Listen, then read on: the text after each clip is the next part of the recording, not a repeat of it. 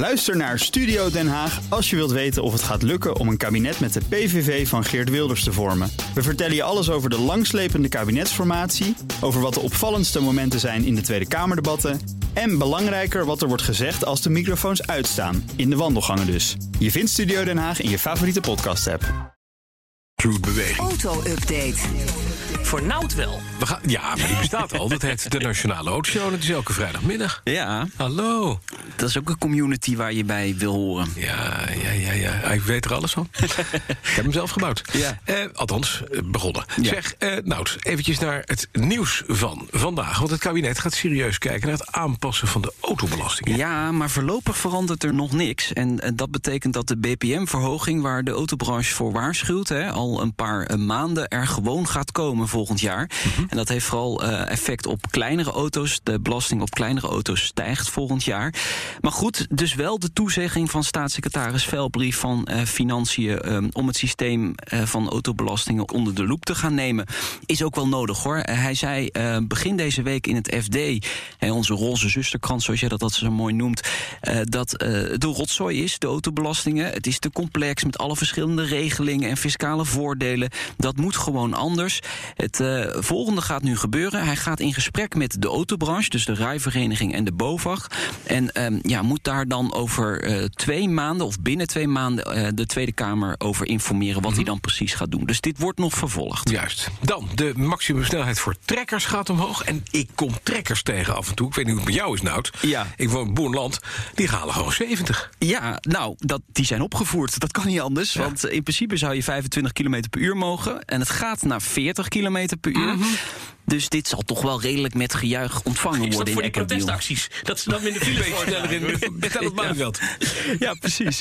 nou ja, dit- dit is op zich denk ik wel goed. Je, je zit soms ook wel eens op wegen dat je denkt... jongens, het schiet niet op met eh, die trekker... die eh, eh, echt een kilometer verderop aan het rijden is... en een file veroorzaakt. Dus dit bevordert wel inderdaad de doorstroming. Maar wat jij ook zegt, trekkers die eh, ja, op het platteland rijden... die, eh, die hebben. Ja, precies. Zeker. Dan een nieuw hoofdstuk in het Takata airbag-schandaal. We weten dat Takata echt gewoon waardeloze airbags heeft geleverd... en alles in iedereen. Jarenlang. Ja, ja, ja. En, en er is inderdaad een nieuw hoofdstuk in dit, eh, in dit schandaal. Eh, er is een achttiende dode in eh, Amerika geïdentificeerd. Mhm. En voor het eerst in een BMW. BMW was op dit moment nog niet bij dat schandaal betrokken geraakt in Amerika.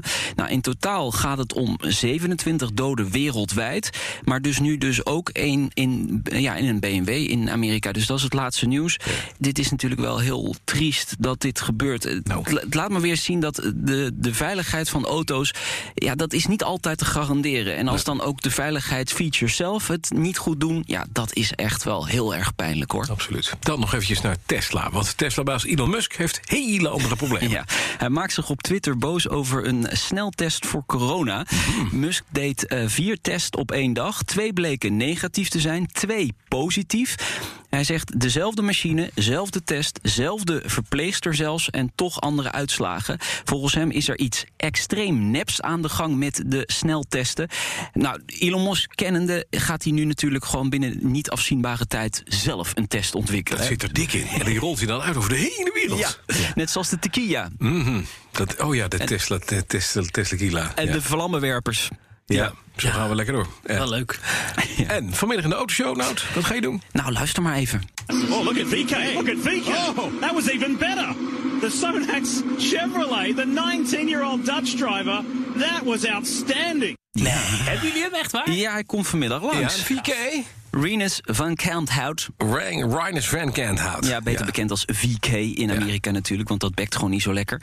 Ja, Rookie of the Year in de IndyCar. Eh, hij is net terug in Nederland en hij komt langs bij ons in de Nationale Autoshow om te vertellen over zijn debuutjaar. We hebben ook nog een ander heel gaaf verhaal en dat vind jij namelijk leuk, eh, Bas. Nog nooit eerder vertoonde Porsche-modellen worden deze weken op, eh, op internet gezet. Ja. En Peer Perchard, eh jou ook wel bekend, zit tegenwoordig in Duitsland voor Porsche. Porsche, ja. En is betrokken bij dit project en vertelt er vanmiddag meer over. Nou, hartstikke leuk. Om drie uur de nieuwe aflevering van de Nationale Autoshow. Uiteraard terug te luisteren via de bekende kanalen. Net als een, als je een beetje autogek bent, een andere podcast. Mag ik een handtekening van Rinus? Ja, ja, wat mij betreft wel. Heb je iets waar, waar we hem op kunnen zetten? Eh, Ja, zijn linkerbil. Petrolheads podcast, niet vergeten. De BNR Auto Update wordt mede mogelijk gemaakt door Lexus. Nu ook 100% elektrisch. Ook Thomas van Zeil vind je in de BNR-app. Je kunt live naar mij luisteren in Zaken doen. De BNR-app met breaking news. Het laatste zakelijke nieuws. En je vindt er alle BNR-podcasts. Bijvoorbeeld Het Nieuwe Geld. Download nu de gratis BNR-app en blijf scherp.